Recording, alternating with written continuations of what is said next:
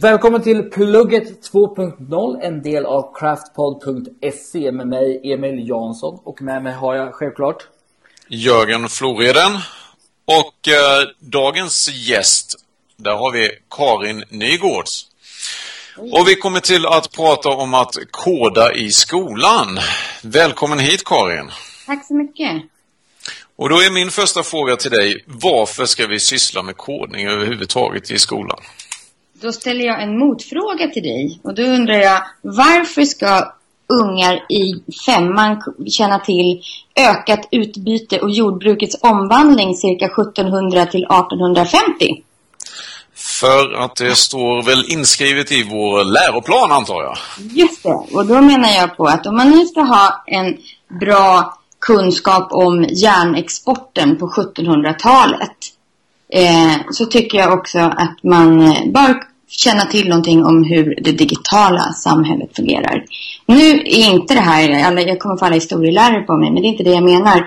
Jag menar bara att det finns väldigt mycket i vår eh, läroplan eh, som kan mm, kanske inte riktigt kännas som relevant kunskap idag. Eller att man kanske i alla fall inte har så liksom, starka kopplingar till det. Men det som saknas helt det är liksom kunskapen om hur det digitala samhället är uppbyggt. Och det är det det handlar om för mig, mycket mer än att göra mina elever till programmerare. Vilket jag ofta bemöts som kritik. Ehm, så min grundtanke från början var inte att alla mina elever ska kunna koda. Däremot så vill jag att elever redan när de är, eller ja, barn när de är små kan få en förståelse för vad som händer när man håller på och klickar på datorn. Mm. Vilka vinster kan du se med att jobba med kod i skolan? Ja, dels finns det ju, nu när jag har liksom satt mig in i det här lite mer, eh, så är det väl så att, att du kan ju dra rent Alltså om man säger det rent ämnesmässigt så finns det ju då en... Eh, alltså du kan ju jobba bra med matematik och logik. Att du faktiskt tränar ett, ett metakognitivt tänkande genom att träna dig att eh, skriva kod.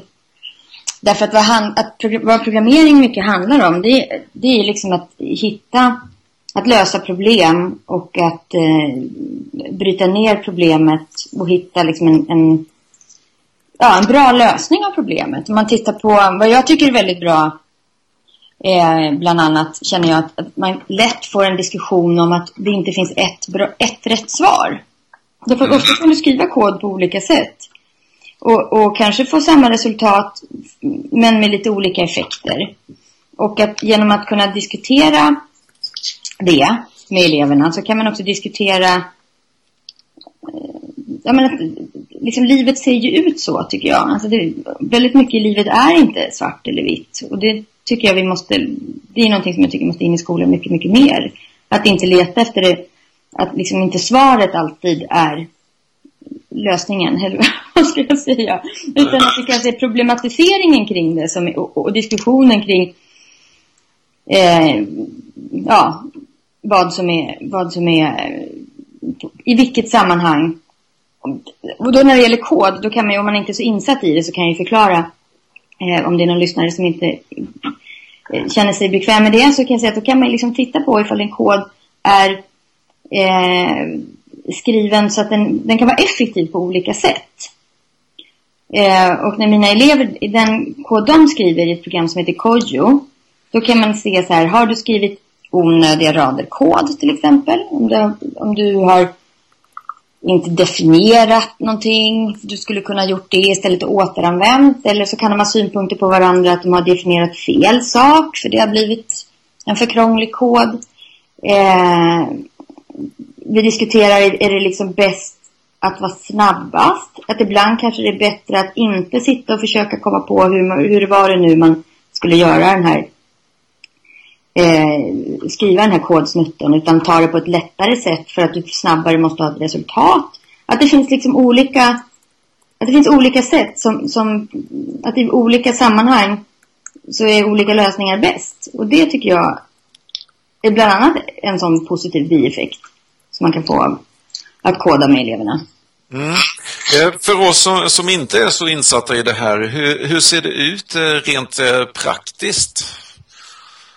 Hur menar du då? Alltså, jag... alltså i, i, klassrummet, om vi, vi kliver in i ditt klassrum Karin, vad är det vi kommer till att se där då? Ja, det beror ju på vilken lektion ni kommer in på. För det första så måste jag säga, eh, för när det, när det kommer till kod i skolan, det handlar ofta om kod och, hela det här programmet handlar om kod, men egentligen så har jag ett mycket större perspektiv. Eh, och mina lektioner heter inte kod utan heter digitalkunskap och vi jobbar nästan ännu mer med upphovsrätt och integritet och säkerhetsfrågor än vad vi egentligen har i själva kodbiten.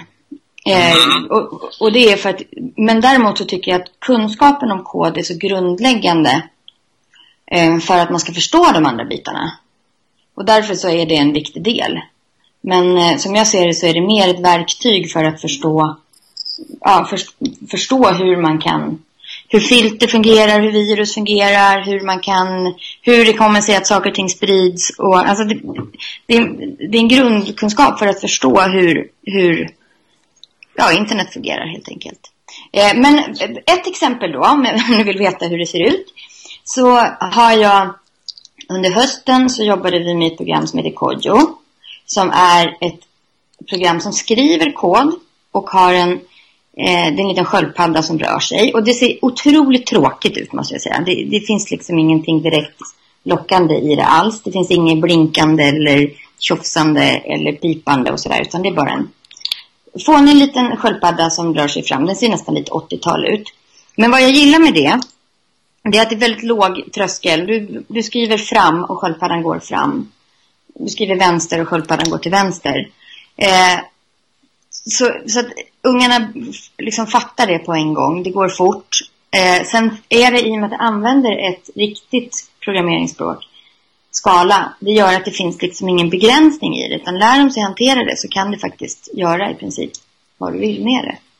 Mm. Det gör att man kan ha liksom elever, jag har ju någon elev som är otroligt avancerad som sätter sig och, och, och um, programmerar på en helt annan nivå. Men, och kan liksom göra det i det programmet.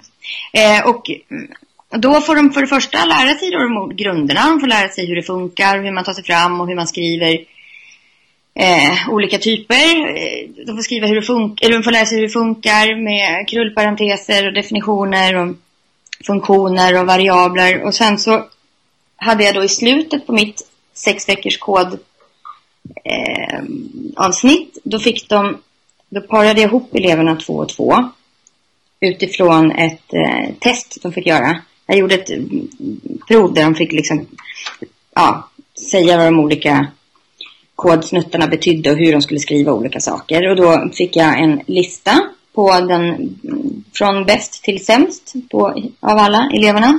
Eller ja, sämst resultat ska jag väl säga. Men, eh, och det intressanta med det för övrigt med tanke på förra eh, avsnittet jag var med och spelade in så var det ju det att eh, där låg ju tjejerna i topp. Förutom två killar. Mm. Så var ju tjejerna topp och killarna generellt sämre. Men eh, då i alla fall så parade jag ihop dem. Så att den sämsta och bästa ihop och, och så vidare. Så de fick jobba två och två. Och den som var sämre på att skriva kod fick vara den som skrev. Och den som var bättre fick vara strategen. Så, som liksom fick tänka ut hur koden skulle skrivas. Eh, vilket var lite roligt då eftersom många killarna tyckte ju att de skulle vara de som sitter vid datorn. Så att de var ju nöjda och, och glada. Fast de fattade inte att de fick sitta för att de inte var lika bra. Men det, det var min lilla hemlighet. Men i alla fall så var, och, och att tjejerna fick tala om för dem vad de skulle göra. De var ju tvungna att lyssna på tjejerna, för annars blev det ju inte bra. Eh, usch, fy vad jag känner att jag infiltrerade mina tankar. Men i alla fall så, så, så, hade de då en utmaning. De fick lösa tre, tre uppgifter. Eh, och då, det var liksom en tävling. Och då gällde det att man kunde vinna på tre sätt. Man kunde antingen vara snabbast. Eller man kunde göra snyggast eh, lösning. Alltså slutresultatet var en gubbe de skulle göra. Eller man kunde skriva snyggast kod. Och då blev det ju då ganska intressant att ha de här diskussionerna. Det blev ju i princip ingen vinnare eftersom vi kunde problematisera kring allting. Vi kunde liksom inte enas om vad det var som var bra. Men det var ju rätt att konstatera att de som var snabbast kanske inte alltid var de som var bäst på de övriga frågorna. Så det var en, det är ett exempel. Mm. Ja, om, om vi backar tillbaka lite, och det är jätte, jättebra exempel, det är jättespännande att lyssna på det. Men vi backar tillbaka lite och så pratar vi, alltså det här digital kunskap. Eh, så vi, nu jobbar ju inte varken jag och Jörgen i, i grundskolan, jag jobbar ju på gymnasieskolnivå. Mm. Eh, men så vitt jag vet så finns det väl ingen kurs som heter digital kunskap. Berätta gärna lite mer hur du, hur du bygger upp det. Alltså hur du bygger upp eh, hur bygger du upp den eh, kursen eller vad man säger? Ja, jag kallar jag vet inte vad jag ska kalla det egentligen, men, men jag kallar det för mitt ämne eller min kurs. Jag har, vad jag har gjort är att jag har läst eh, Lgr 11 ett antal gånger och så har jag suttit med min överstrykningspenna och så har jag liksom hittat saker som jag tycker passar in. Eh, och där har jag väl kanske i vissa fall varit ganska kreativ i min tolkning. Men jag tycker att jag hittar, hittar belägg i, i många ämnen. Och utifrån det så har jag då plockat tid ifrån de andra ämnena och plockat, gjort till en 80 minuters lektion i veckan. Den mesta av tiden kommer faktiskt från elevens val så att det är inte så jätterevolutionerande egentligen. Men det är typ så 10 minuter matte. Eh, om det är en kvart SO eller något sånt. Jag har faktiskt inte helt koll på det. Lite svenska och, och och, men som sagt, största delen är elevens val tidsmässigt ur, ur liksom, tidsplanen. Men, eh, och sen då så har jag olika mål som jag jobbar med beroende på, alltså olika, det blir olika ämnesinriktningar beroende på vad det är jag jobbar med. Så när vi jobbar med, med hur man är, alltså det här med, med eh, hur man är en bra kompis på nätet, det plockar jag då från religionen med etik avsnitten och hur man hittar sin identitet och sådär. Eh, och just nu så jobbar vi med samhällskunskap eftersom vi jobbar med upphovsrätt. Och, och tittar då på lag och rätt och påföljder och så. Eh, och själva koden, alltså kod, kodandet i sig, där hittar jag i tekniken. Teknikämnet har ganska utpräglat att, man, eh, att, att det går att hitta belägg för det. Plus att i matten så finns det i och med att vi håller på med koordinatsystem och vinklar och allt möjligt som har med matte till att göra. Så att, eh, jag har inga inga som helst problem att hitta belägg för det i läroplanen. Men jag kände mig lite orolig då när det började vara lite mycket press i höstas då när det blev, eh, när det blev lite fokus på det här. Så kände jag att jag ville liksom kontrollera att det inte bara är jag som har hittat på. Alltså jag bjöd in eh, Skolverket att delta eller titta och lyssna på min, mina tankar. Mm, spännande. Ja, så jag hade, jag hade, jag hade fyra personer som kom och lyssnade på mig. Som har på olika sätt varit inblandade då i framförallt matte och teknik, NO-teknik-delen. Eh, och eh, så för, förklarar jag hur jag tänker och visar mina tankar och hur jag lägger upp det och sådär. De tyckte att jag tänkte helt rätt. Så att eh, det var ju en otrolig lättnad för mig. Att det, att det var liksom att det var självklart att man kunde tolka det i, i liksom teknikämnet. Att, att man absolut kan läsa in att vanliga tekniska system i hemmet absolut kan vara internet liksom, och kod. Så det, det var liksom inga det var inga konstigheter alls. Och att de att, att det är liksom teknikutvecklingsarbeten och, och de prövar sina idéer och, och i digitala modeller. Så det, nej, och det var ju som sagt, det var, det var, det var, ju, det var ju väldigt skönt. Mm. Mm. Man kan säga att du har stämt av ditt arbete med Skolverket och fått ett okej. Okay. Ja, och de har ju även då nappat på det här och kommer att jobba vidare med hur vi får in koden i skolan. Mm, intressant. Ja. Det kommer visa sig här framöver, mm. hoppas jag.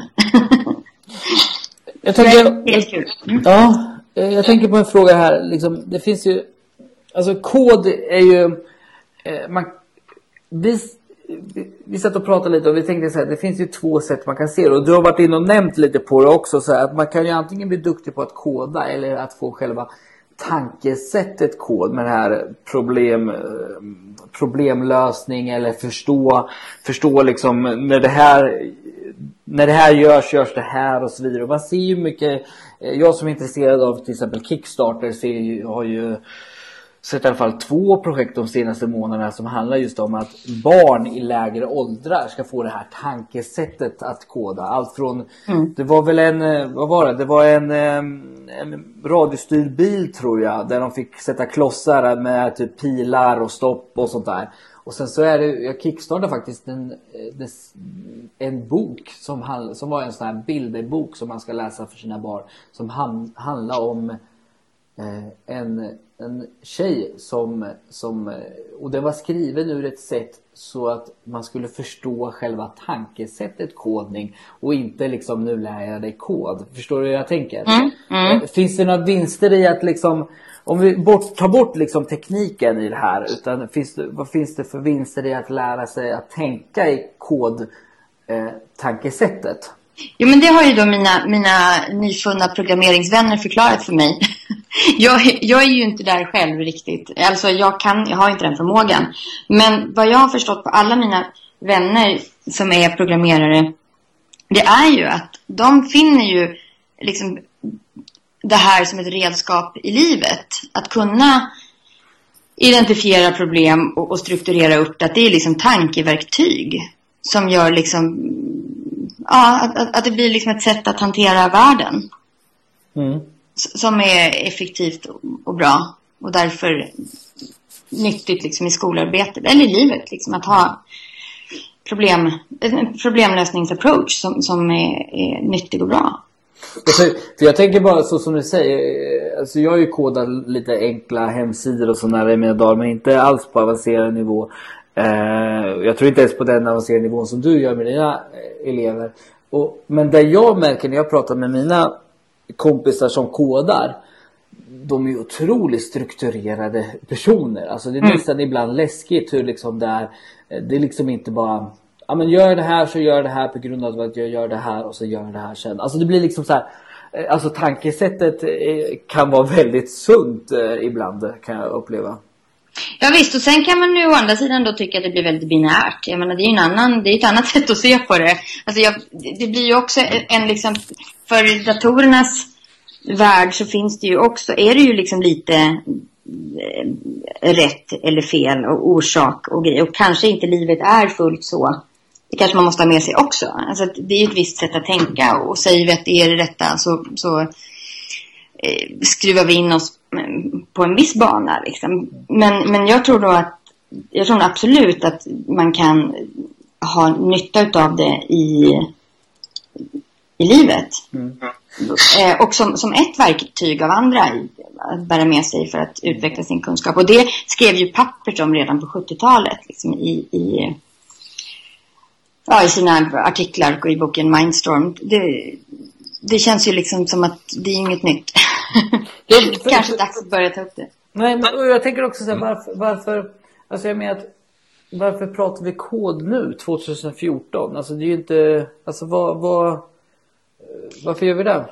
Ja, men det har väl gått lite i vågor om jag har förstått det rätt. Jag, för mig, jag är ju helt ny på det här, men om jag, när jag pratar med de som har varit med i branschen länge så är det väl liksom att det fanns en eh, våg på 80-90-talet som var ganska misslyckad. Att man, liksom, att man hade en ganska misslyckad approach till att försöka föra in kod i skolan.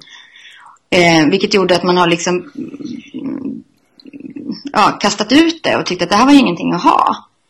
Eh, och så befinner vi oss nu och liksom så har man kanske, jag vet inte. Jag, jag, tänker att det är någonstans där, det verkar som det. För det är många som är emot det, eh, de hänvisar ofta till just de misslyckade försöken och att det där vill vi inte ha igen och då tänker jag att det gäller ju att hitta andra sätt. Att man kanske inte ska göra samma sak som vi gjorde förut. Och jag jobbar ju med, när jag jobbar med yngre barn, jag, börjar, jag har ju förskoleklassen redan. Och där jobbar vi ju med alltså, logiskt tänkande i leken.